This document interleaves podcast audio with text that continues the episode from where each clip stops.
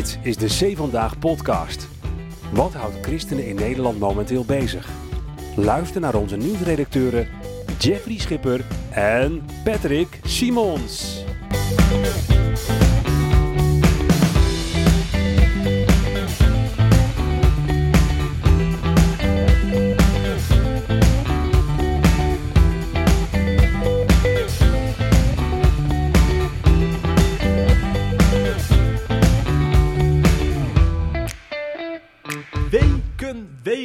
Lang lag hij uit de running en nu is hij weer terug. Helemaal hersteld. Patrick Simons! Wat was je lang ziek, man? Ben ik lang ziek geweest? Ja, je weet je lang- Vijf, dagen hoeveel zo. dagen ik alleen op het nieuws zat? Vijf dagen. Ja, dat, maar dat is lang. Welk nieuws? er was geen nieuws. Al weken geen nieuws. ja, tot deze week. Ik was precies op tijd eh, weer beter voor ons weekendje weg, hè, Jeff? Ja, dat klopt. Ja, daar wil je, wil je er nog even op terugblikken. Oh, dat was zo leuk. Vooral op de, op de avonden, hè? Tussen, Ja. tussen 11 en 1 Ja. wil je even op Ja, er terugblikken. waren maar twee andere vrienden en eh, die gingen altijd een beetje op tijd naar bed. En dan verdwenen wij naar de jacuzzi, hè, met Ja. z'n tweeën. Ja, lagen we daar. Wat heb ik daar genoten. Ja, ja. Ik zou het zo weer teruggaan. Oh ja, zeker weten. Ik zou zo'n jacuzzi willen aanschaffen eigenlijk. Nou, doe het dan. Maar ja, ik heb er geen plek voor. Het is wel een groot ding, hè? Ja, ja. Ja, een groter huis kopen. Directeurtje, luister je mee? ja. Hey, maar hoe heb jij Blue Monday beleefd? Dat was nog maar een paar dagen geleden. Ja, toen kwam ik dus net, kwamen wij net terug van het weekend. Dus ik heb daar eerlijk gezegd geen, Oh. enkel, geen enkele last van gehad. Ik was zo niks. moe. Normaal kom je uitgerust terug van, van vakantie natuurlijk als je weekend. Maar ja, wij hebben het zo laat gemaakt elke keer. Omdat we het zo naar ons zin hadden. Dat, en wat overdag een programmaatje vaak. Dat ik eigenlijk heel moe terugkwam. Dus ik ben maandag teruggekomen en ik lag volgens mij om half negen s'avonds op bed. En daarvoor was ik alleen maar aan het reizen. Eh, vanaf eh, eh, ons huisje naar het mooie Zeeland terug. Ja. Dus ik heb er gelukkig helemaal geen last van gehad. Jij wel? Nee, nee, ik ook totaal niet. Totaal niet. Nee, ik ben ook niet het type dat, dat begin januari daar last van heeft. Ik leef er juist helemaal op. Heb ik die feestdagen gehad? Ja. Heb Jij ik hebt, de rest, jij hebt de andere elf maanden er last van. Ah, daar zou ik er sneller last van hebben dan Ja. januari, ja. Zeker. Maar de- over de actualiteit gesproken. Ja. Deze week zijn er mooie dingen. Zoals Ja. de ranglijst christenvervolging. Ja, nou, niet mooi voor de Niet- christenen Niet daar. zo mooi. Maar wel mooi dat we de aandacht kunnen besteden aan, Ja. die, aan, die, aan die vervolgde kerk. Absoluut. En natuurlijk, de ChristenUnie gaat uitgebreid langskomen vanwege het vertrek van Segers. Ja. Net voor het weekend weg, hè? Ging hij Ja. nog even, eh, Ja. alsof hij het getimed had. Toen wij, weg, toen wij weg wilden, ja. Ja. Ik dacht, ik kan het laatste dagje lekker uitbollen. Ja, dat ging niet door. Nee. Zullen ze Maar- expres gedaan hebben.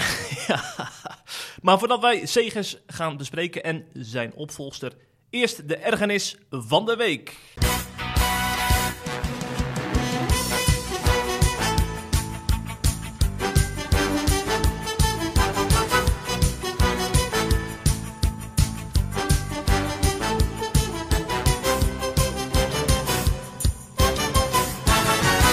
Ergernis is een groot woord deze keer, Jeffrey. Laten we het, eh, ik zou het zeggen, laat ik het verbazen noemen.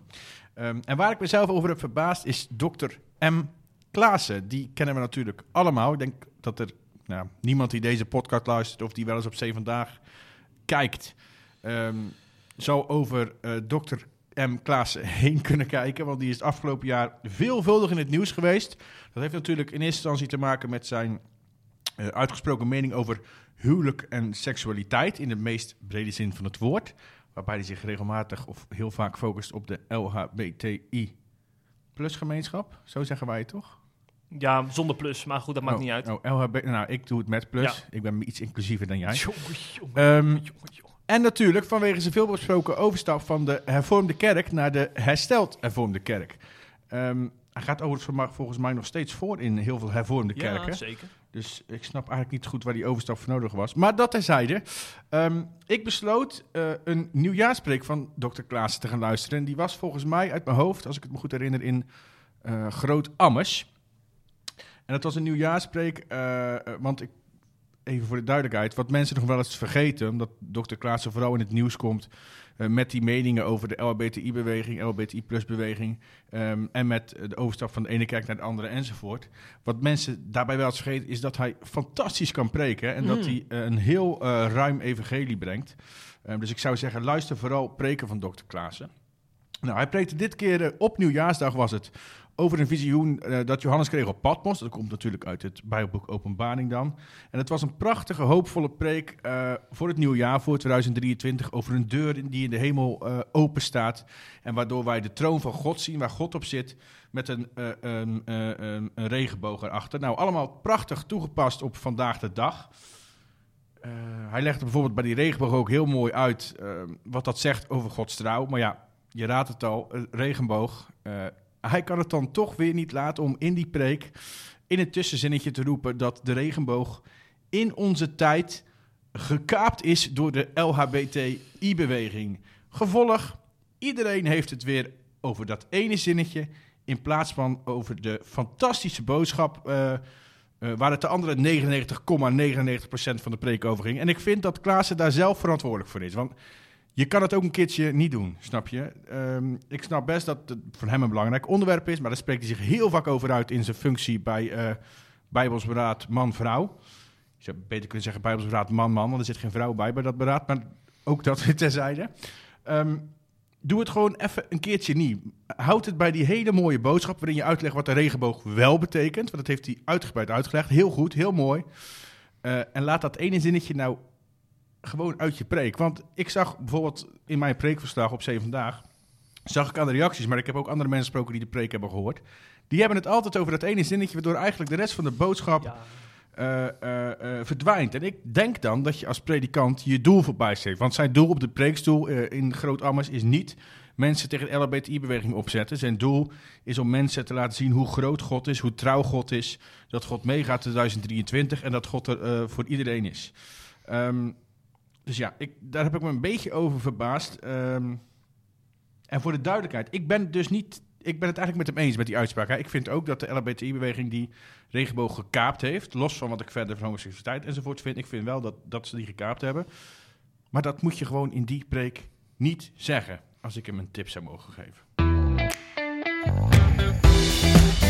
Het laatste nieuws uit Christelijk Nederland bespreken we in de C Vandaag podcast.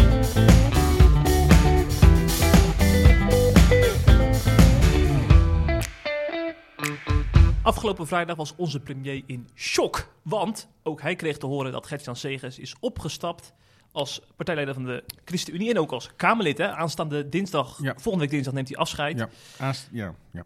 En eh, eh, ja, dat was toch wel een bommetje. eh, zo kan ik het toch wel noemen. Was je trouwens zelf ook verrast, Patrick, voordat we er inhoudelijk op ingaan? Ja, ik was eigenlijk. Ja. Ik, ja, ik was daar wel verrast over. Ja. Ik had wel verwacht dat hij na deze periode zou stoppen. Eh, dus na, na deze kabinetsperiode. Maar ik, ik ben altijd verrast als iemand tussendoor opstapt. Ik vind dat altijd een beetje eh, apart. Je wordt gekozen voor vier jaar. Ja, ja, en het kabinet zit er nog maar net. Dus eh, ik heb het niet eens over de stop als partijleider, Nee. maar als Kamerlid. Mhm, je wordt zeker. gekozen voor vier jaar. Mensen stemmen op je. Ja. Dus ik was wel enigszins verrast. Ja. Ja. Maar waar we misschien ook verrast door waren, was de persoon die hem mocht interviewen in het grote afscheidsinterview. Nou, zeg dat. Dat was een van onze eh, favoriete interviewers, hè? Ja, Wilfred Gené. En ook een van de beste interviewers wat mij betreft. Snip hem daarom ook al gevraagd. De meeste mensen kennen hem natuurlijk van eh, Vandaag in Site of eh, van Voetbal International heette dat vroeger. Ehm Veronica in Site heet het. Maar goed, met Derksen en René van der Gijp. Ehm, daardoor wordt hij altijd op één hoop met die, met die mannen gegooid. Maar hij doet ook BNR. Ehm, en hij heeft in het verleden al echt bewezen een hele goede interviewer te zijn. Dus ik was heel blij dat ChristenUnie bekend maakte, ehm, direct vrijdagochtend toen ze zeiden... eh, toen ze bekend maakten dat Segers zou gaan vertrekken, dat er s'avonds een interview zou worden uitgezonden op hun eigen YouTube-kanaal. ehm, met Segers door Wilfred Gené. En natuurlijk heb ik eh, dat interview bekeken. En ik wil eigenlijk wil ik er drie fragmentjes uithalen die mij eh, het meeste opvielen. Of die ik het meest bijzonder vind, zo je wil. Ehm, en eigenlijk was het eerste momentje was het direct al aan het begin van het gesprek. Wat was namelijk het geval? Gené eh, begon over het onderwerp waar eh, iedereen al snel aan denkt als het gaat over de laatste jaren eh, van Segers. Dat is namelijk het moment dat Segers voor deze kabinetsperiode heel overtuigd riep: Ik ga niet meer in een kabinet met Mark Rutte. Dat zei hij toen naar aanleiding van eh, de rel rondom Pieter Omtzigt. Hè, dat hij eh, notitie uitlekte van de onderhandelingen waarop stond Omtzigt functie elders. Daar was hij zo boos. Toen zei hij: Ik ga absoluut niet meer in een kabinet zitten waarin Mark Rutte eh, zit. nou, we weten allemaal hoe dat is verlopen. Hij, hij kreeg spijt van die uitspraak. Hij zei, dat heb ik, eh, ehm, die was te persoonlijk, die was te veel op de man gespeeld. Ik trek hem terug. Uiteindelijk is ChristenUnie zelfs gaan alsnog in een kabinet gaan zitten met, met, met Mark Rutte. En dat leverde tot op de dag van vandaag een storm van kritiek op, kritiek op met, met heel veel nou, schijnheilig, fariseegers, Judas... en eigenlijk begon Wilfred Genee al vrij snel het interview over die scheldwoorden. Dus hoe het voelt om Judas genoemd te worden, om Fariseeërs genoemd te worden. Overigens niet in de laatste plaats op onze website, hè? want bij ons is dat ook regelmatig geroepen. Wij elke keer, nog steeds, tot op de dag van vandaag, als wij een artikel over Segers hebben, nu met zijn vertrek weer, uh, moet je eigenlijk elk uur even gaan checken op Facebook. Op de website is het gelukkig minder geworden, was het eerst ook. Uh, maar op Facebook moet je elk uur gaan checken uh, of er mensen zijn die zo lopen, of wefslaaf, weet je wel. Wij zijn er ook wat harder in geworden. Hè. We gaan ze nu, als je dat roept, ben je gelijk geblokkeerd op onze website. maar daar begon Wilfred Genedis ook over. Van hoe, wat doet dat nou met jou, dat mensen dat tegen je zeggen? Laten we even luisteren. Ja, dan moet ik dat ook een beetje kunnen... Dus als dat soort woorden gebruikt worden, dat soort grote woorden... dan kun je het makkelijk een plaats geven, zeg maar. Nou ja, het is niet grappig. Ik bedoel, uh, ik heb liever dat mensen zeggen, joh, dankjewel voor, uh, voor wat je hebt gedaan, dan ja. uh, dat ze je helemaal de huid vol schelden. Maar het, het, hoort er wel bij. In de zin van, ik ben een publieke vertegenwoordiger, ik hak knopen door met anderen, maar ik neem beslissingen die invloed hebben op het leven van mensen. Ja, dan mogen mensen ook iets van mij vinden. Ja. Dat, dat vind ik niet gek. Het is ook vaak makkelijker om te klagen in dit land, hè, dan om iets een compliment uit te delen. Ja, en, ma en, en, en maak ook onderscheid tussen een keuze die iemand maakt. Zeg van, joh, ik ben het niet met die keuze eens. Dat vind ik allemaal prima. Maar om dan echt het, het, het, heel persoonlijk te maken, zo hard mogelijk... en je probeert zo hard mogelijk te raken op je ziel, dat vind ik heel naar. Iets verderop in het gesprek, Jeffrey, um, kwam er ook een mooi momentje. Dat was trouwens weer omdat Wilfred Genee een hele goede vraag stelde.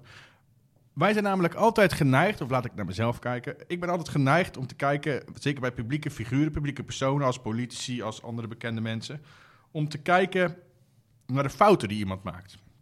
Um, en ook bij zo'n terugblik, wat heb je allemaal fout gedaan, waar heb je spijt van... Um, dat zijn vaak de meest besproken momenten van een publiek figuur. Um, Gené, die vond, uh, die stelde nou, ongeveer zes, zeven minuten in het gesprek, stelde hij de vraag, nou ja, aan Segers, wat heb je nou eigenlijk goed gedaan? En waar ben je nou eigenlijk precies trots op? Verrassende vraag, ja. En dit was zijn antwoord. Wat het mooiste was, was als, als, er, als er een onderwerp was, of ik mensen tegenkwam die me echt heel diep raakten. En dat ik dan met andere mensen kon samenwerken en daar iets aan kon doen. Dat was voor mij een ontmoeting met een slachtoffer van, was in Friesland, in Leeuwarden.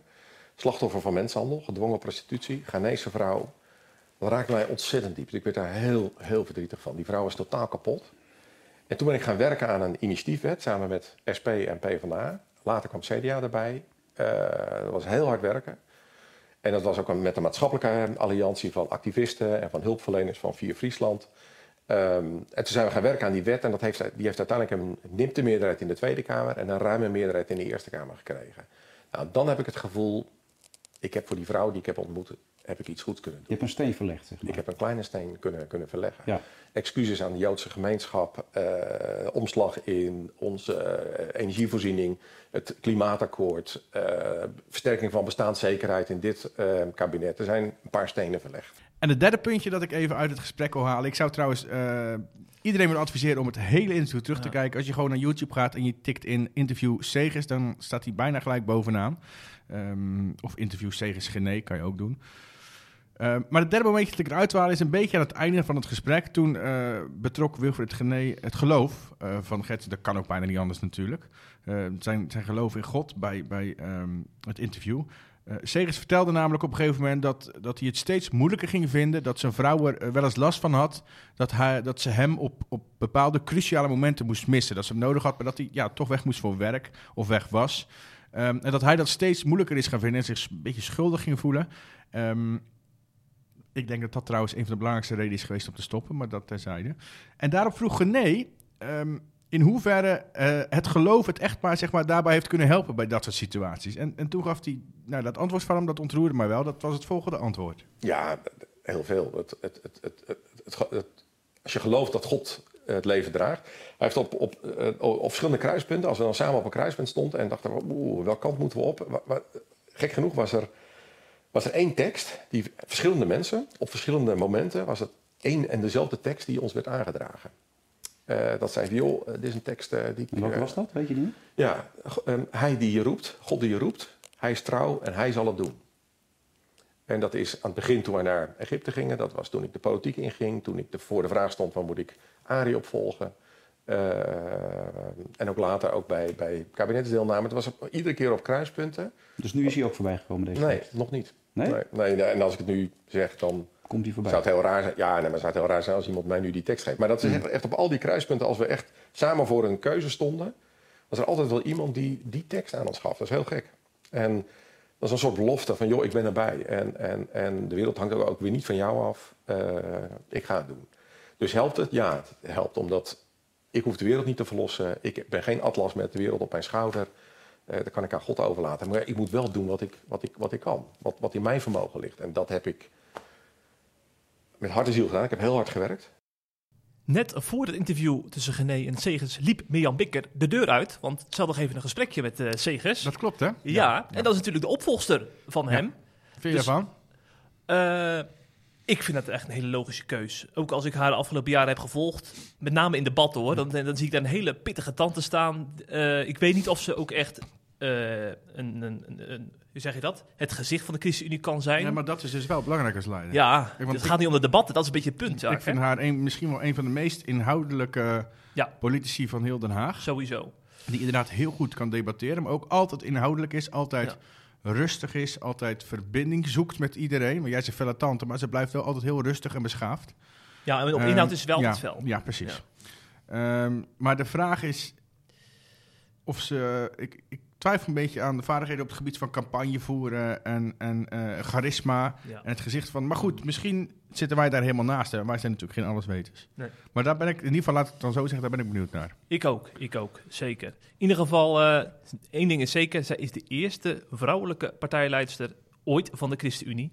En ik zag ook dat heel veel mensen daar, daar weer over begonnen. In interviews vond ik wel een beetje vermoeiend, moet ik eerlijk zeggen. Inmiddels weten we wel eh, hoe belangrijk het is dat ook vrouwen leiding kunnen nemen. En bij de Ah. CU doen ze er al jaren niet moeilijk over. Hè? De partijvoorzitter is vrouw. Alles is vrouw daar nu. Maar Ja. dat is natuurlijk wel bewust, hè? Ja, eh, oh, ja, oh ja, denk je Mm, dat? Dat denk ik wel. Ik kom hier wel goed over bij mensen die het belangrijk vinden. Hè? Dus eh, misschien over, overwegen ze zelfs wel een ChristenUnie-stem daardoor, wie weet. De marketingmachine van de ChristenUnie draaide in ieder geval deze week overuren. Want eh, dinsdag werd ze dan natuurlijk, eh, nam ze officieel het stokje over hè, van, van Segers in Den Haag. En op die ochtend werd ook een briefje van Mirjam Bikker gepresenteerd, die zij dan voorlas aan het volk, aan Nederland. Met een anderhalf minuut duurde het filmpje erbij. Ja. En dan zag ik overal zag ik dat terugkomen. Ja. En eh, dan zie je dus haar aan tafel zitten. En eh, dan vertelt ze onder andere het. Vaak maakte Den Haag ik-gerichte keuzes voor de korte termijn. Groen moest wijken voor grenzeloze groei. Samen leven werd steeds meer ieder voor zich. De gevolgen zien we om ons heen. Mensen zonder huis, jongeren met schulden, gokken en drugs zijn bijna normaal. Oververhitte stadspleinen, vervuilde sloten. Het moet anders. Ja, wat ik zo leuk vind aan dat filmpje. eh, wij hebben natuurlijk nu alleen audio. Maar als je dan terugkijkt op YouTube, dan zie je hoe er is geprobeerd om het zo Nederlands mogelijk te laten uitzien. Je ziet een pot pindakaas op tafel staan, yoghurt. en eh, ja, zo, zo, zo lekker gewoon. Zo, zo komt het over. ja, dat is natuurlijk geregistreerd. hè, Ja. Ja, maar dat staat daar niet toevallig nee, allemaal. daarom zeg ik ook marketingmachine. hè? Ja, ja. ja. Maar, eh, en dan zie je dus ook dat op een gegeven moment dan zo'n moeder aanschuift aan die tafel met een kind. Ik denk om te laten zien dat de ChristenUnie een gezinspartij is. En vervolgens loopt ze naar buiten om de briefje op de post te doen. En dan gaat ze, nadat ze die brief op de post heeft gedaan, een gezellig praatje met de buurman maken die ze dan toevallig tegenkomt. Dan vond ik wel een beetje, oh, too much hoor trouwens, dat met die buurman. Mijn mond is ook weer gelijk naar binnen. maar goed, ze hebben hun best Was- gedaan. Was het een witte buurman? Ja, Oké. ja oudere, oudere man. Ja. ja, dat ook Ja, nog over na ja, kunnen ja, denken. dat, ja. ja. Ja. Ja, dat had ik eigenlijk had uitverwacht dat het een donkere gekleurde...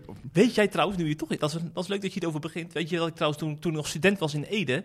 dat ik door de ChristenUnie, de lokale fractie in Ede, ben gevraagd... om aan het spotje van de ChristenUnie in Ede deel te nemen. En jij denkt, En ik jij denkt vanwege je kleur. Ja, want ik stond op de gang te praten met twee witte klasgenoten van mij. En toen zei ik, ja, waarom vragen ze jullie eigenlijk niet? Toen zeiden zij, ja, je kleur natuurlijk. Ja. Toen zei ja, dat zou je wel eens een punt kunnen hebben. Positieve discriminatie. Ja, nee, dat komt veel voor in die spotjes, denk ik, ja. Ja. ja. je zit ook bij, bij, denk ik, bij GroenLinks en zo vaak, hè? Denk ik, en D66. En dat Die volg ik niet, gelukkig. Zeker hun spotjes niet. Ja. Je hebt nog in Ede gewoond, ja, dat is waar. Ben ik, ik ben er ook nog eens geweest. Ja, een pion op mijn hoofd rondgelopen. Jongen, jongen, rare gozer ben je ook. en zo'n verkeerspion was dat toch? ja, ja, ja, klopt. Ja. Leuk weekendje. Ja. maar ik zag niet alleen de- dat reclamespotje met Bikker voortdurend voorbij komen, maar ook interviews met haar in Trouw en het Reformatorisch Dagblad. Daar, die werden afgelopen dinsdag geplaatst en ook veelvuldig gepost door de ChristenUnie-achterban. En eh, ik heb ze natuurlijk even doorgenomen. En dan valt me op dat ze in het RD bijvoorbeeld zegt eh, dat ze heel erg dat gesprek wil voeren met mensen die worden geraakt door de grote dossiers. Hè? Denk aan de boeren, natuurbeschermers en bos, boswachters. Deze noemden ze letterlijk in het gesprek met het RD. En eh, dat is natuurlijk niet heel toevallig, hè?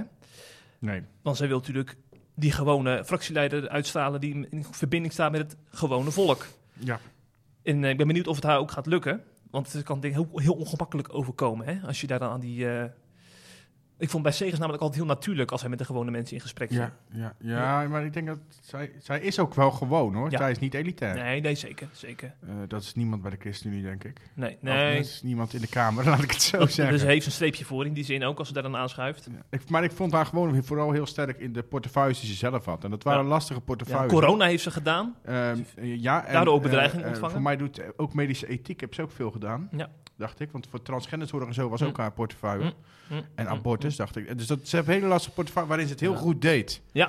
Misschien is het ook wel een beloning dan in die zin. Nou, ik denk dat ze gewoon vooral kijken naar profiel. Ja, ja. Ze heeft inderdaad ook corona gedaan. Toen werd ze veelvuldig bedreigd. Ook in die tijd werd ze ook nog door trouw op bevraagd. Van eh, hoe dat dan thuis overkwam en Mhm. zo. En het viel me op dat ze dan daar heel nuchter mee omgaat. eh, helemaal niet eh, in, de, eh, in de emotie meegaat van de vragensteller. Maar dan zegt eh, dat haar kinderen er niet zo druk mee zijn. En dat de oudste het net zo belangrijk vindt wat Feyenoord heeft gedaan tegen Pek Zwolle. En de jongste die speelt gewoon met Lego. Ze heeft trouwens drie kinderen. hè. Dus eh, Is haar oudste voor Pax Volle dan? ja, het is, het is Pek of Feyenoord. Het lijkt me sterk dat hij voor Pek is. Ze woont in Gouda. Ik denk Feyenoord. Ja, dat denk ik ook dan. Ja. In het RD, dat viel mij trouwens al op, eh, heeft ze toch even een steentje in de vijver gegooid. Eh, want ze liet weten dat ze ehm, toch ook wel haar eigen geluid wil laten horen. Ondanks het feit dat de ChristenUnie natuurlijk nog altijd in het kabinet zit. En ze zegt dat ze voor de statenverkiezingen komt met een politieke manifest. Als een soort vertaalslag van die, eh, van die gesprekken. Die ze dus eh, aangaat met, met mensen aan, de, aan, die, aan die keukentafel, hè, de gewone mensen. En daarin gaat ze ook voorstellen doen die voorbij gaan aan de horizon van Rutte 4. Ik weet niet, zou Rutte dat als een bedreiging eh, opvatten, denk je, zo'n uitspraak? Of is, hoort het er gewoon een beetje bij? Rutte voelt zich nergens door bedreigd. Nee, niet, ook niet door Mirjam Bikker. Nee, ook niet door, door Nee. helemaal niemand. Nee. hoor. Nee. Rutte die waant zich, en die waant zich eh, onaantastbaar. En terecht, want als je ziet wat hij de afgelopen twaalf Nee, jaar overleefd. allemaal heeft overleefd. Nou. Wat geen enkele andere eh, politiek heeft overleefd, laten we even du- duidelijk zijn. Mhm. Dan is hij echt niet bang voor mevrouw Nee. Pikker. Nee. Maar ik ben wel benieuwd naar haar politiek manifest. Ik ben sowieso heel benieuwd naar de ChristenUnie komende Mhm. jaren. Joost Vullings, politiek verslaggever van Eén Vandaag. Hoe van? Heeft ook een podcast trouwens met Ja. eh, Xander van der Ja, zo. Beetje zoals wij dat doen. Ja, nou wel iets meer mainstream, hè? Ja, ja, ja, ja, ja zeker. Poeh. Ja. Maar ze houdt het ook luchtig. Ja, Wij houden het ook luchtig, Ja, toch? Dat vinden we leuk. ja maar wij deugen niet. wij zijn deugnieten. Maar die Joost Vullings, die stak me toch de loftrompet. eh, Ja? dat is echt, die ging in de overdrive. Hij zegt dus eh, dat een heel scherp iemand tegenkomt als je met Bikker in gesprek gaat. Heel adequaat persoon, zegt hij ook. Ze kan heel goed formuleren. Ze is echt een politiek talent, zegt Joost Vullings. En eh, ze heeft ook niks achter de ellebogen. Ze houdt niet van politieke trucjes. Ze is gewoon straight to the point. Geen fratsen. Inhoudelijk heel erg sterk. Kan goed debatteren. Is gepassioneerd over de rechtsstaat en democratie. Ik denk dat hij binnenkort een interview wil met. Ja, het is toch heel opvallend, toch? Zo'n nou ja, veer. Ja, ja, maar ja, ik, ik, ik ben het ook wel... Het is een beetje in de overdrijf inderdaad, maar ik ben het wel met hem eens verder. Ja. Ik denk dat, dat die ze toch wel goed omschrijft, al is het een beetje overdreven. Vind ik sowieso wel opvallen bij de ChristenUnie. Want niet alleen over eh Bikker zijn deze mensen positief. Hè. Over Schouten is ook, eh, wordt ook altijd heel lovend gesproken. Nou, de Eh, boeren niet, zou ik je vertellen. behalve, behalve de boeren. Behalve de boeren. Eh, volgens mij zijn er nog wel een paar die ik nu even over het hoofd zie. Ja, die, ja maar zij- de ChristenUnie profileert zich ook altijd dan een beetje alsof zij dan geen politieke spelletjes spelen, weet je wel. Ehm, maar Pechtold zei iets heel anders, hè? Ja, dat is waar ook, ja. Die zei juist... eh, Bij eh, Radio ze, 1 ze- toch? Ze, doen altijd alsof ze geen spelletjes spelen, maar geloof me, dat is juist hun spelletje of zoiets. Ja, ja, ja. Het was wel wel een steekje. Beetje een steekje, een Een enorme steek onder water. Er zat een klein beetje rancune. Ja, Zoals we Pechtold kennen natuurlijk. Zeker, zeker. Ja, absoluut. Hey, maar we moeten toch even over de politieke erfenis van Gert-Jan Segers hebben. Overigens, drie prominenten gaan volgende week dinsdag op de afscheidsdag van eh Segers in een artikel hier nog over de politieke erfenis praten bij C Vandaag. Nou, in, nou. Een, in een artikel. Ik, Ja, moet, we- ik, nou, ik word er wel. Ik, ik, heb, ik, ik heb zelf ook al een paar keer. eh, voor mij in, op Twitter heb ik het gezet. Dat ik, dat ik, en dat meen ik oprecht. Dat ik eh, weinig oprechte de christenen in de politiek heb gezien. Hmm. zoals eh Gert-Jan Segers. Ehm, waar ik het inhoudelijk heel vaak niet mee eens ben. Maar dat sowieso met ChristenUnie. Maar dat ik hem wel oprecht, eh, heel oprecht altijd vond. ja, Eh, ook eerlijk als hij fouten heeft gemaakt, eh, da- dan, dan is hij niet beroerd om te zeggen dat was fout van mij. Ehm, altijd over Jezus, daar hou ik ook van. Als, als je dan toch ervoor kiest om, als, ehm, om politiek te bedrijven vanuit de Bijbel, doe het dan vanuit Jezus, zou ik zeggen. Maar ik word wel, het, het ging voor, toen die dag dat hij vertrok, zeg maar, het leek wel of hij dood was. ja, Zoals ja. iedereen, iedereen ging over hem praten. Het, het was een geweldig... Maar ook foto's delen met hem erop. Ja, ja, ja. How zichzelf. make this about me? Ja. ja. Dat doe je eigenlijk als iemand overleden is, ja, dat soort foto's ja, zelfs dan zou ik het niet doen. Nee. Eh, maar het was wel heel erg. eh, op een uur werken wel een beetje, was ik wel een beetje klaar mee ook hoor. Mm, mhm. Nee, dat snap ik. Snap ik. Want je mag best zeggen, nou die heeft het goed gedaan. Hè. Ehm, maar ja, op een uur krijg je hele lofredes over. Van alle kanten ook, ook van hele onverwachte kanten trouwens. Alle politici gingen reageren, alle bestuurders gingen reageren, het hele kabinet heeft gereageerd. Mm, mm. Nou, dat doe je. Ja, nou, ik vond het een beetje overdreven, laat ik het zo zeggen. Ja, snap ik inderdaad wel, ja. Ik moest nog eventjes denken aan een hele goede column van Bart-Jan Spruit, opiniemaker. Vorig jaar geplaatst op C Vandaag, toen eh, de ChristenUnie weer verder ging met eh, CDA, VVD en D66 hè, in het eh, nieuwe kabinet, Rutte 4. Eh, toen dacht ik, die Spruit, die, kan heel kritisch zijn hè, op ChristenUnie. Dat is natuurlijk een echte conservatief. Maar hij verraste mij in zijn column door juist heel lovend te zijn over de ChristenUnie. Ehm hij schreef, ik zal even citeren. Al met al denk ik dat we niets dan waardering moeten hebben voor de houding en het gevecht van de ChristenUnie. En dan had hij het ook over medisch-ethische kwesties, ze er zo vasthoudend in zijn. Als ze niet hadden meegedaan, was het resultaat slechter geweest. En dan heeft hij het over de missie van de ChristenUnie, die volgens hem herschreven is. Dat is een hele belangrijke. Het gaat nu niet meer over een maatschappij die steeds meer functioneert in overeenstemming met Gods wil, maar om de taak om de onmogelijkheid om nog na Gods gebod in deze samenleving te functioneren, zo lang mogelijk uit te stellen. Dat is een herschreven missie en Segers is daar volgens hem de vertolking van. En als je dan hebt over de politieke erfenis, is dat misschien ook wel aan, aan Segers dan eh, toe te schrijven. Dat hij zijn uiterste best heeft gedaan om al die dingen waar christenen zo bezorgd over zijn. Hè, dat, eh, dat D66 het doorvoerde, voltooid levenwet, nog meer eh, uitbreiding van de abortuswet en zo. Dat Segers daarvoor is gaan liggen en dat hij, hem, het is gelukt om dat allemaal uit te stellen. En eh, Spruit is daar heel lovend over. En als Sp- Spruit daar lovend over is, moet je dat toch wel serieus nemen. Denk ik. Overigens, volgende week schuift hij weer eens aan in de podcast, hè, Bart-Jan Spruit, eh, na anderhalf jaar. Ik heb hem gestalkt via WhatsApp, anderhalf jaar lang. Ik heb alleen maar blauwe vinkjes gezien. Maar nu zegt hij, ja, ik doe mee aan de C Vandaag podcast. Waarvan akte? ja, wat moet ik hier nou mee, Jeff? je gaat even uitleggen het achter de schermen dat- hoe goed jij je best hebt gedaan. Wat heb jij dat goed gedaan? ik En- ben trots op je. en Zonder fijn- jouw inzet Ja. had hij hier nooit meer gezeten. En, en hoe mooi het is dat Bart-Jan Spruit niet alleen voor kwaliteitsmedia kiest, maar ook voor C Vandaag. Dat is helemaal waar, daar ben ik het helemaal mee eens. Over de politieke erfenis van Segers gesproken, om even terug te gaan naar het onderwerp waar het echt om ging. Ja. Ehm, ik zei het net al een beetje. Wat ik het mooiste aan zijn politieke eh, erfenis vind. En dat zie ik bij Mirjam Bikker ook al. Ik weet niet of Mirjam, dat doet zij niet omdat Segers dat deed. Want dat, zo is zij zelf ook. Ja. En het gaat ze allebei echt om Jezus navolgen. Dat zie ik bij haar ook gelijk weer in een van de eerste dingen. Dat zij heeft ze daarvoor ook al meerdere malen gezegd. Maar een van de eerste dingen is: we willen, eh, eh, willen Jezus navolgen. En dat passen ze op allerlei dingen toe. Hè? Op omgaan met, met de schepping, op omgaan met mensen, op daar kan je natuurlijk op heel veel politieke onderwerpen toepassen. En dat vind ik, eh, ook al ben ik het lang niet altijd mee eens, ik vind het, het streven en vanuit dat eh, ehm, frame politiek proberen te bedrijven, vind ik heel nobel en heel mooi als christen. Zeker weten. En dat deed Segers altijd. Hij kreeg zelfs respect van Johan Derksen. En als Johan Derksen eh, iemand die christen is eh, respect geeft, dan heb je het heel goed gedaan. Mhm. Want die heeft zo'n enorme aversie Oh. tegen christenen. Daar moest hij daar wel over zeggen. Hij zei, hij zei, bijvo- hij zei het was maandag volgens mij, ehm, in, in, in Vandaag is Tijd, wat weer begonnen is, ehm, gaf hij eerst een paar pluimen aan Segers. Dus ik vind, hij was altijd netjes, altijd beschaafd, altijd naar de anderen luisteren, altijd op inhoud debat voeren, niet op de persoon. Nou, dat zijn hele grote complimenten voor een politicus, hè.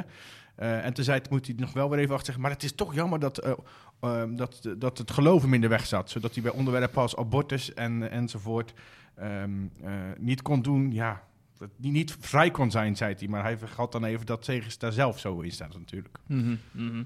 Zal ik even op de Twitter-timeline van Mirjam Bikker kijken of ze nog over de ranglijst christenvervolging heeft getweet? Want dat is toch wel ook voor de ChristenUnie-achterban een belangrijk dingetje, hè? elk jaar, toch? Ja, Ik zie, ik zie een filmpje met op één waar ze is geweest. Ik zie haar eigen briefje aan het volk.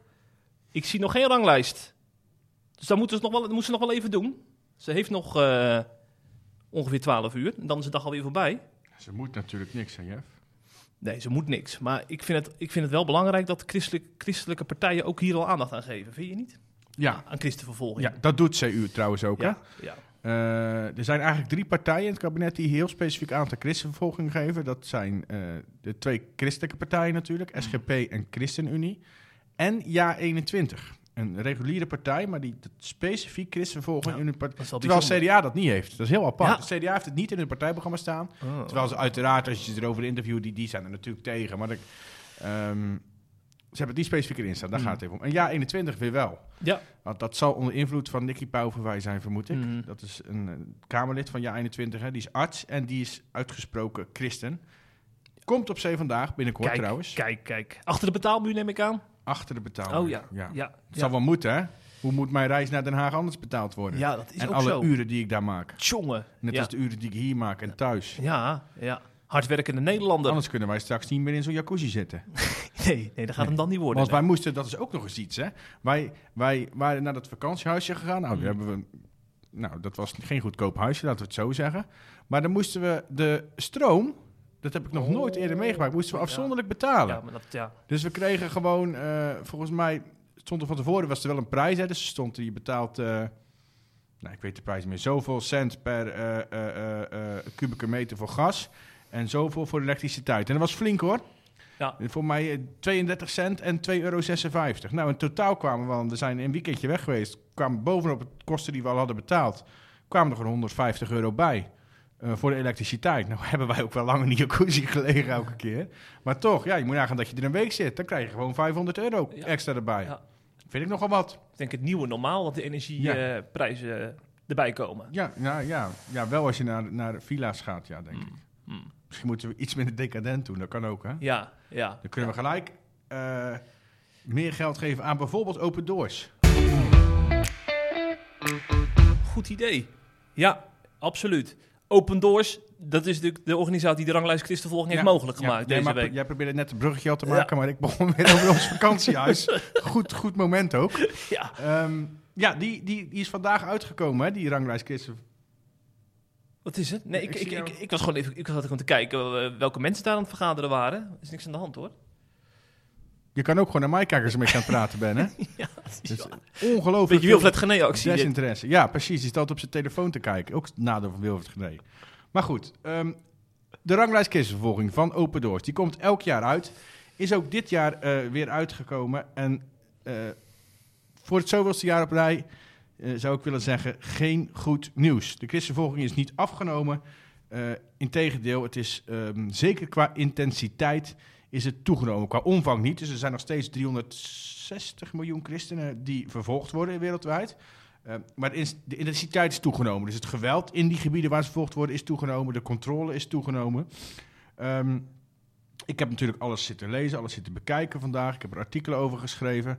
Eh, ik heb ehm, Open Doors directeur Maarten Dees daarover gesproken. En met hem heb ik, er, heb ik het onder andere gehad over verschillende belangrijke eh, trends of ontwikkelingen op het gebied van christenvervolging. En dan wil ik er eigenlijk ehm, drie dingen uitpikken die mij, die mij zijn opgevallen en waar ik het ook met hem over gesproken, waar, ook, waar ik het ook met hem over gehad heb. Ehm, het eerste is, en dat is eigenlijk denk ik wat de meeste mensen direct zou opvallen als ze de eh, ranglijst bekijken, dat is dat Afghanistan, die stond vorig jaar op de ranglijst 22, 2022, stond Afghanistan ehm, heel verrassend voor veel mensen op nummer 1. Want het was al jaren Noord-Korea nummer 1 en nu stond ineens Afghanistan op nummer 1. Dit jaar staan ze op nummer 9. En dan zou je denken dat is goed nieuws. Ehm, maar dat zit toch iets anders in elkaar. Ehm, ik heb dat aan Maarten Dees gevraagd, hè, die directeur van Open Doors dus. En die zei, nou, dat is eigenlijk heel goed verklaarbaar. Vorig jaar, uh, de ranglijst gaat altijd over het jaar daarvoor, hè, over het afgelopen jaar. Hij zei, vorig jaar hadden we net dat jaar achter de rug waarin uh, de Taliban de macht overnamen in Afghanistan. Um, op dat moment, voordat de Taliban de macht overnamen, was er nog, nou, vrijheid is wat, is wat, is wat overdreven, was er nog relatieve ruimte om christen te zijn, relatief. Um, er waren zelfs bovengrondse kerken, dus die, die gewoon openbaar waren. Um, maar op het moment dat de Taliban de macht overnamen, werd eigenlijk, heel cru gezegd, de jacht geopend op alles wat anders dacht dan, hoe zij, dan de islam. Uh, ook alles wat binnen de islam anders denkt dan de Taliban zelfs. Uh, dat zijn dus eigenlijk alle minderheden, waaronder dus christenen. Dus de jacht op christenen werd geopend. Toen is er een jaar geweest met ongelooflijk veel geweld richting christenen. Er zijn tal van christenen vermoord, gemarteld, op andere manieren vervolgd. Er zijn heel veel christenen weggevlucht. Nou, daardoor kwam Afghanistan dus op één terecht. In het jaar daarna zijn er eigenlijk veel minder geweldsincidenten geweest. Dat komt dus omdat er al heel veel christenen waren vermoord omdat er heel veel christenen waren weggevlucht naar andere landen, uh, naar landen buiten Afghanistan, zeg maar. En de christenen die wel bleven, die zijn eigenlijk van de, van de radar verdwenen. Dus die zijn ondergronds gegaan. Dat is de ondergrondse kerk geworden. Die zijn stiekem gaan samenkomen. Uh, die zijn heel voorzichtig geworden. Uh, daardoor um, is het heel logisch dat er dus veel minder geweld heeft plaatsgevonden tegen christenen in dat land. Wel algemene geweldincidenten, maar niet specifiek meer tegen christenen waardoor het land heel erg gezakt is op de ranglijst. Maar dat betekent dus niet dat het minder gevaarlijk is geworden voor christenen. Integendeel, ze vertelde die Maarten Dees, we spreken... Hij vertelde me dat, dat zij regelmatig christenen spreken... die zijn gevlucht uit Afghanistan, die nog steeds vluchten uit Afghanistan. En die dus vertellen, als je uh, uh, publiekelijk christen bent... ervoor uitkomt dat je christen bent in Afghanistan... ben je gewoon je leven niet zeker. Dus het is niet zo dat het minder gevaarlijk is geworden daar. Het is nog net zo gevaarlijk. Het is gewoon zo dat er ten eerste heel veel christenen zijn verdwenen. En de christenen die er zijn, die zijn um, uh, in het geheim uh, christen. Dus daardoor zijn er minder, is er minder geweld. En daardoor zijn ze gezakt. Dus ja, ja goed nieuws ja. is heel erg relatief. Mm -hmm. Tweede wat opvalt, uh, dat is misschien niet nieuw, maar ik wil het toch blijven benadrukken, ieder jaar weer. Uh, ik vind namelijk dat we de daders en de veroorzakers van uh, christenvolging moeten blijven benoemen. En dat is islam, islam, islam, islam, islam. De top 10, uh, Noord-Korea staat op 1, dat is geen islam, hè? dat is een dictatoriaal regime. communistisch, hè? Ja. ja. De andere negen van de top 10 zijn allemaal of moslimlanden, of landen waarin zowel moslims als christenen wonen, maar waar de vervolging dus wel van christenen komt. Dat geldt niet alleen voor de top 10. Als je naar de top 20 kijkt of naar de hele ranglijst, dan zie je, zie je gewoon dat um, islamitische landen overheersen. Dus moslims uh, veroorzaken voor het grootste gedeelte christenvervolging. Moslims uh, zijn de grote aanjagers van christenvervolging. En ze zijn degene die uh, de meeste haat hebben tegen christenen en het meeste geweld gebruiken tegen christenen. Ik vind, echt, ik vind het heel belangrijk dat we, dat we dat blijven benoemen. Want ik zie heel vaak dat dat, dan, dat dat dan wel wordt gezegd of toegegeven. En dat het vervolgens een beetje wordt verzacht of gebagatelliseerd. Hè? Dan wordt er gezegd, ja, maar niet alle moslims zijn zo. Of, maar er zijn ook heel veel liberale moslims. Er zijn heel veel moslims die, die voor vrijheid zijn. Ja, dat kan allemaal heel mooi zo zijn. Maar ik, wat ik zie, is dat in moslimlanden christen vervolg, vervolgd worden. In heel veel moslimlanden. En dat in christelijke landen, uh, veel christelijke landen, bijna alle christelijke landen, moslims alle vrijheid hebben om hun geloof te blijden. Wat heel goed is, hè, trouwens. Ik zeg niet dat we zo moeten gaan vervolgen. Maar ik zie dat, dat is echt een heel duidelijk verschil. En dus ik vind eigenlijk dat je moet zeggen... moslims zijn de grootste aanjagers van christenvervolging, punt. Maar niet gaan bagatelliseren. die critici willen natuurlijk wel dat je met twee woorden spreekt. Dus radicale moslims in plaats van gewone Nee. moslims. Moslims. Ja, dat Het maakt zijn toch ook gewoon uit. moslims? Ja, nee, dat heb je, heb je gelijk. Ja, radicale moslims zijn ook moslims. Ja. Maar dat, dat is weer, dat, ik vind dat dus weer, dat vind ik verzachten. Mhm, mhm. Ja. Dat zijn niet alleen maar radicaal. Dus jij zegt dat heel Afrika radicaal nee, moslim ik is? spreek even namens de critici. Oh ja, Ik ben ja, het met je ja, eens. Lekker veilig. Sorry, ik moet heel erg om lachen dit. Ja, ja, Ja. ja. Maar zo'n serieus onderwerp ook. Eh, ik moet zeggen, ik heb dat natuurlijk ook eh, Maarten Dees voorgelegd, want dat kan ik natuurlijk niet laten.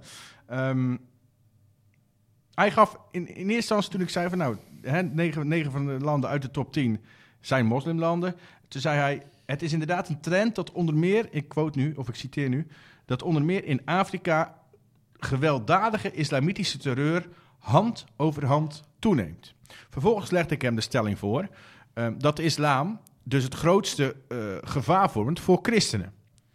En toen werd hij wat voorzichtiger. Toen zei hij eerst, eh, vond ik ook wel weer mooi, ehm, het grootste gevaar voor christenen, dat komt uit ons eigen hart. Dat is een revo. Vervolgens, nou, ik denk het ook eigenlijk, Ja, want ja. hij had het ook over de heren. Ehm, vervolgens gaf hij wel gelijk toe dat dat natuurlijk een geestelijk antwoord eh, ehm, ehm, is. En, en begon hij vervolgens wel over, eh, gaf hij wel wat meer gericht antwoord op wat ik vroeg. En toen zei hij, en ik zal het even citeren, want ik vind dat belangrijk bij zulke dingen, dat ik niet mijn eigen woorden Ja, eraan geef. Hij zei: Het kwaad manifesteert zich in de wereld op vele manieren. Maar we zien het vanuit de jihadistische islam, twee woorden dus, wel in een uiterst agressieve vorm waarbij heel veel geweld wordt gebruikt. Je ziet het echter ook bij het regime in Noord-Korea of heel subtiel bij hoe de Chinezen het doen door enorme controle met behulp van moderne techniek. Het kwaad manifesteert zich op velelei wijzen overal ter wereld. Dus ja, dat, ja ik, dat vind ik dus een beetje dat bagatelliseren, weet je wel. Ik, ik, ik vind ook gewoon je kan, dat je kan zeggen... Ik snap het wel vanuit zijn functie en zijn eh, rol. Maar ik vind dat je gewoon kan zeggen... Ik heb wel eens eerder kritiek op Open Doors gehad... dat ze het een beetje politiek correct zijn op dat gebied. Hè? Je kan ook gewoon zeggen... Ja, de islam is het grootste gevaar, punt. Ja, ja dat, dat- is dat, dat lichtgevoelig, hè, zeggen ze dan. Lichtgevoelig. Ja, ja. oké. Eh, ik stip, in zijn antwoord stipt hij eigenlijk al een beetje het derde punt aan wat ik eh, wil bespreken, wat me opvalt. Ehm Open Doors waarschuwt eigenlijk al jaren voor eh, de digitale dreiging eh, voor christenen in met name een land als China. hè. China is een land waar burgers eigenlijk volledig worden gemonitord en gevolgd door de overheid. Daarbij wordt gebruik gemaakt van moderne technieken. Dus eigenlijk elke stap die je zet, alles wat je doet, waar je ook heen gaat, de overheid weet alles. Een beetje waar mensen in Nederland ook, sommige mensen, sommige groeperingen in Nederland ook bang voor waren tijdens corona. Dat we daar naartoe aan het gaan zijn. Baudet waarschuwt daar nog steeds tegen. Die zat, ging trouwens naar Davos, zag ik. Ja, WEF. Ja, WEF-bijeenkomst. Ja, ja. allemaal te volgen via livestreams, maar, livestreams, maar hij gaat er naartoe. Benieuwd wie dat vliegticket heeft betaald. Eh, maar dat even terzijde. In China wordt dus, worden dus burgers allemaal gevolgd.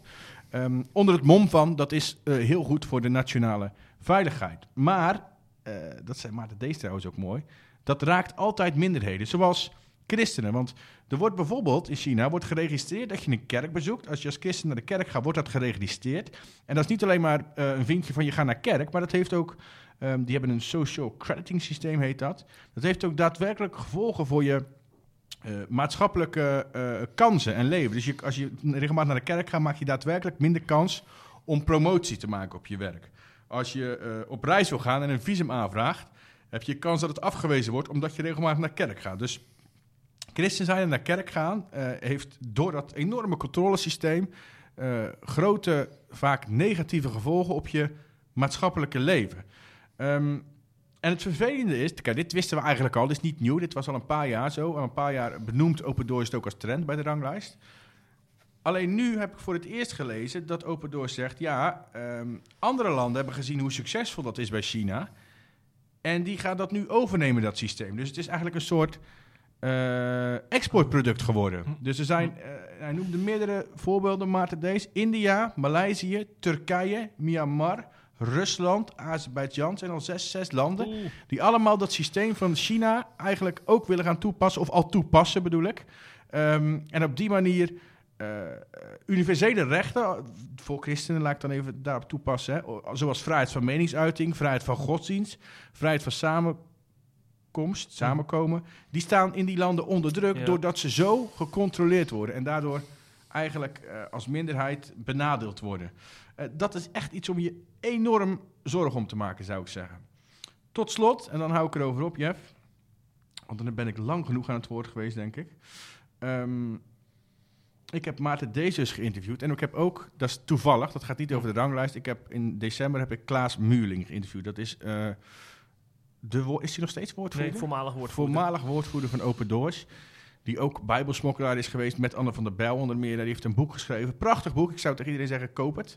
Waarin hij eh, hele bijzondere verhalen eh, vertelt over wat hij meegemaakt heeft met vervolgde christenen die hij ontmoet. Hè. Het heet Avondmaal met ontbijtkoek. Dus daar zie je al, zie je al aan. Dat, dat is al, alleen daarom is het, vanwege dat verhaal is het al een reden om dat boek te kopen. Ehm, en die hebben eigenlijk zowel Maarten Dees in het interview wat ik gisteren met hem had als eh, Klaas Muurling eerder. In een interview wat toevallig vandaag gepubliceerd is. Al geloven wij niet in toeval. Ehm, die zei eigenlijk allebei hetzelfde. Christenvervolging wordt steeds erger. Hè, dit is de dertigste keer dat een eh, ranglijst uitkomt. En als ze kijken naar toen ze het voor de eerste keer uitbrachten en nu, dan is het verdubbeld, christenvervolging. Zowel qua landen als qua intensiteit. Dus het wordt alleen maar erger en erger. Maar daar kijken ze eigenlijk eh, eh, niet van op. Ze zeggen eigenlijk allebei, ja, dat, dat voorspelt de Bijbel ook gewoon. Maar deze zei daar bijvoorbeeld van, dat is voor mij een bewijs dat de dag dat de Heer er terugkomt nabij is. En, en daar klampen we ons aan vast. En, en eh, Klaas Muring zei, de Bijbel kondigt gewoon aan dat het erger zal worden. Dat is voorzegd. Dat ontmoedigt aan de ene kant. Maar, zei hij, het is ook heel belangrijk, dat vond ik een bijzondere uitspraak, heb ik nooit over nagedacht zo.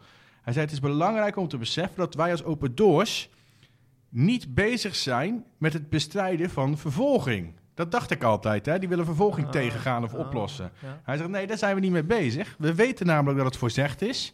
We weten dat het alleen maar toe zal nemen en alleen maar erger zal worden voor de kerk. En wat wij doen, wij proberen broeders en zusters die hieronder lijden te ondersteunen.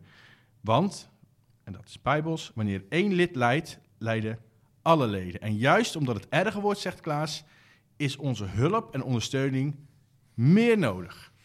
En tot slot, eh, Maarten Dees deed aan het eind van het, eh, het gesprek met mij, ik heb het niet aan het eind van het artikel gezet, maar dat deed hij wel aan het eind van het gesprek, deed hij een, een, een, een verkapte oproep. Hij zei namelijk, ehm, we vinden het heel belangrijk dat iedereen, en ik wil daarmee afsluiten, dat we dat allemaal meenemen, we vinden het heel belangrijk dat iedereen die zich christen noemt, eh, eh, de ernst van christenvolging tot zich neemt en aan de Heere God vraagt, wat kan ik doen?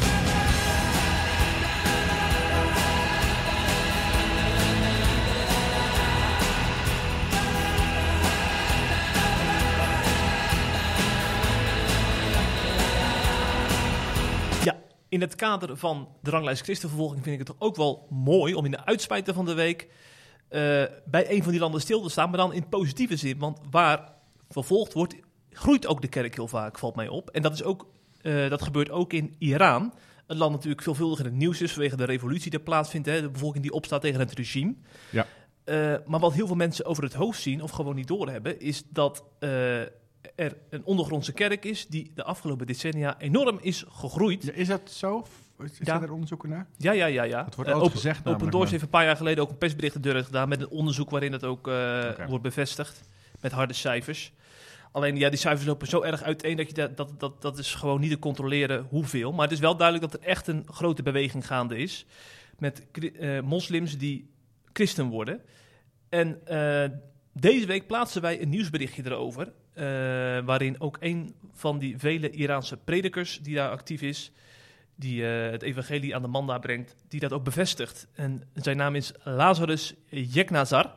En hij is ook een paar jaar geleden door het Reformatorisch Dagblad geïnterviewd, waarin hij ook al sprak over die opwekking die er gaande is met christenen, die, eh, de groep christenen die groter wordt. En hij zei in het berichtje dat we deze week plaatsen dat het hem opvalt dat heel veel mensen in Iran door dromen en visioenen tot Jezus komen. Heel veel gelovigen zeggen, eh, zegt dus deze predikant, dat ze een visioen zien met een man in een wit gewaad en een kruis op zijn borst of op zijn schouder. En dat hij dan zegt, ik ben Jezus. En dat zegt, en dat zegt Jezus ook nog vaak, volg mij. Dat zegt hij deze man nou niet, maar dat heb ik in andere getuigenissen vaak teruggezien.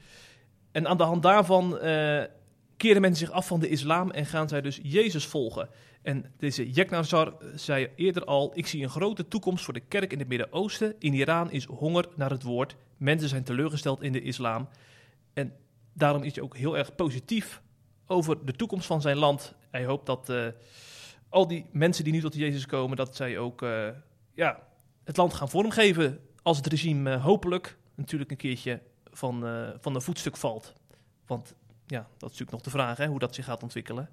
Want het is echt een keihard regime. Ze gaan er de keihard tegen in, Ja. tegen het hele, hele volk, niet alleen tegen christenen. Ja. Maar dit is wel een hele hoopvolle ontwikkeling hè, om, om dat ook eens eh, mee te krijgen. Ja, absoluut. Het zou je niet zo snel bij het journaal zien, maar daarom is het juist zo mooi dat er christelijke media zijn hè, die dit ook onder de aandacht brengen.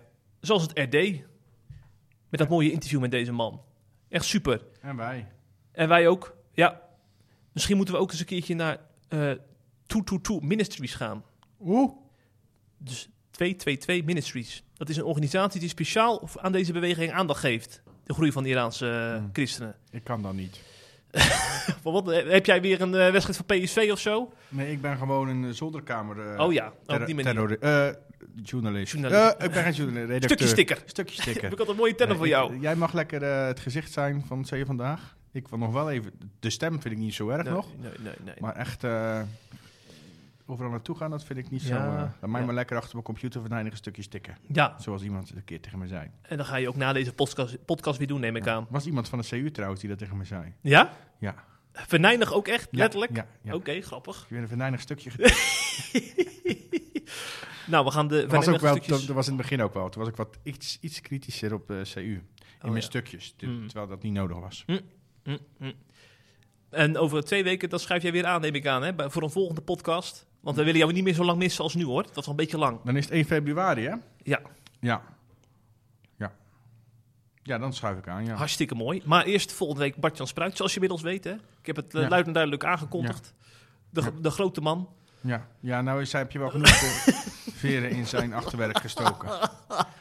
Jongen, jongen, jongen. Doe dat bij mij ook. Als je nou volgende week bij Bart Ja, Spruit zit, zeg je dan... zeggen, ja. volgende week zit hij weer Patrick Simons, de grote man, de belangrijke man.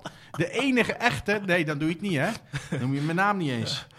Ja, binnenkom ben je geen grote man meer, maar je valt alleen maar elke week twee oh, kilo nee, af. daar zou je over stoppen. Oh, ja, ik dacht misschien nog even aan het begin van het nieuwe jaar. Nog even één keertje. Ja, vooruit dan. Ja. Ga je het nog volhouden de komende nou, maanden? tijdens dat weekend, afgelopen weekend, ging het Ja, niet ja, zo nou, goed, Zo, hè? zo, er is dat killetjes Toen bijgekomen. hebben wij veel te veel gegeten en gedronken. Ja, ja, ja. We hebben echt als, eh, als Romeinen geleefd, laat ik het zo Hmm, zeggen. hmm. Ja, Dus het is tijd om weer eh, richting Pasen wat... Maar goed, over vier weken ga ik op wintersport, dus dan zal het weer een week... eh, dus tot die tijd ga ik even heel erg netjes leven. heel goed. Heel Weinig eten, geen alcohol, veel sporten. Sterkte zou ik zeggen daarbij ook. Veel plezier, zou ik Oh, dat vind je ook echt mooi leuk om te doen. Zeker wel, je hebt veel meer energie, je Ja, dat bent is waar. fitter, Dat je hebt eh, eh, meer zin in dingen, Eh, je ziet resultaat. Bovendien sporten, daar krijg je, daar, dat is al bewezen, komt er een stofje vrij in je, in je hoofd, Mm. waardoor je gewoon gelukkiger bent. Oh ja, oh ja. Heel goed. Ja. Mooi. Dus ik zou zeggen, doe ook eens wat. Nou, ik, ik neem dat mee, Patrick. Ja, ik neem het mee. Ja, ja. ja dat ken ik. En tot over twee weken. Ja, geniet van je frikandelbroodje. Ja. Hopelijk heb je genoten van deze C Vandaag podcast. Volgende week is er weer een nieuwe aflevering. En blijf via cvandaag.nl op de hoogte van het laatste nieuws uit Christelijk Nederland.